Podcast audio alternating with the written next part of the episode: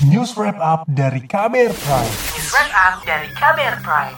Masyarakat terdampak PPKM darurat mengeluhkan belum juga mendapatkan bantuan sosial seperti janji pemerintah. Persoalan data penerima masih kisruh dalam proses penyaluran bansos. Sementara rakyat kecil yang mengandalkan penghasilan harian tidak bisa bekerja karena penerapan PPKM darurat. Alhasil, persoalan bansos juga dianggap menjadi penyebab tidak efektifnya PPKM darurat. Informasi selengkapnya akan saya hadirkan di laporan khas KBR yang telah disusun oleh Astri Yuwanasari.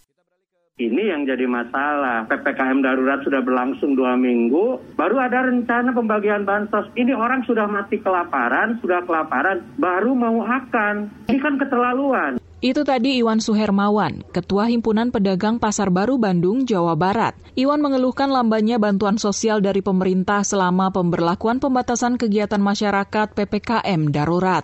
Akibat minimnya pendapatan pedagang selama masa PPKM darurat, Iwan meminta Presiden Joko Widodo mengeluarkan kebijakan-kebijakan yang pro dengan kondisi pedagang berpenghasilan harian.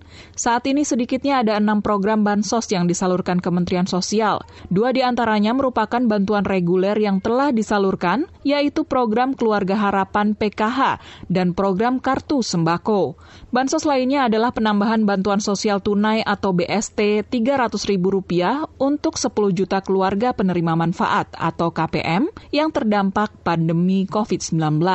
Juga bantuan beras 10 kg untuk penerima PKH dan BST.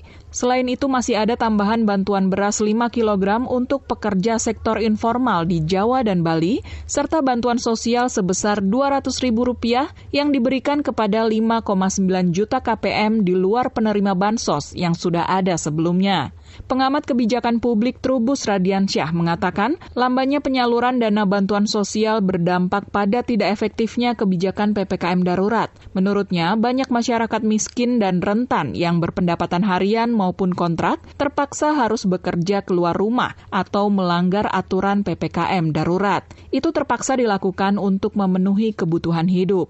Jadi itu persoalannya ada di apa satu soal datanya sendiri hmm. itu kelihatannya nggak akurat jadi banyak yang nggak mau nggak itu yang nggak bisa dijalankan uh, banyak data situasi tumpang tindih. Yang kedua soal pola penyalurannya. Nah pola penyaluran ini kan ada yang pakai bank himbara dan PT Pos gitu mbak. Jadi ini juga belum ini karena datanya tadi yang masih tumpang tindih banyak juga yang sudah sudah apa ini banyak juga data yang belum diupgrade juga mbak. Banyak masalah terkait data itu akurasi data lah soalnya. Trubus menambahkan lambannya penyaluran bansos juga disebabkan akuntabilitas publik dan transparansi anggaran. Selain itu, lemahnya koordinasi antara pemerintah pusat dan daerah juga menjadi pemicu lambannya penyaluran bansos COVID-19. Keadaan itu diperparah dengan adanya ego sektoral kepala daerah yang menganggap bantuan sosial merupakan tanggung jawab Kementerian Desa.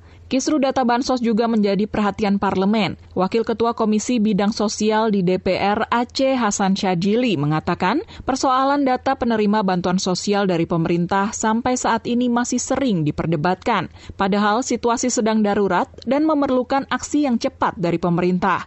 Aceh meminta kisruh data bansos bisa segera disinergikan.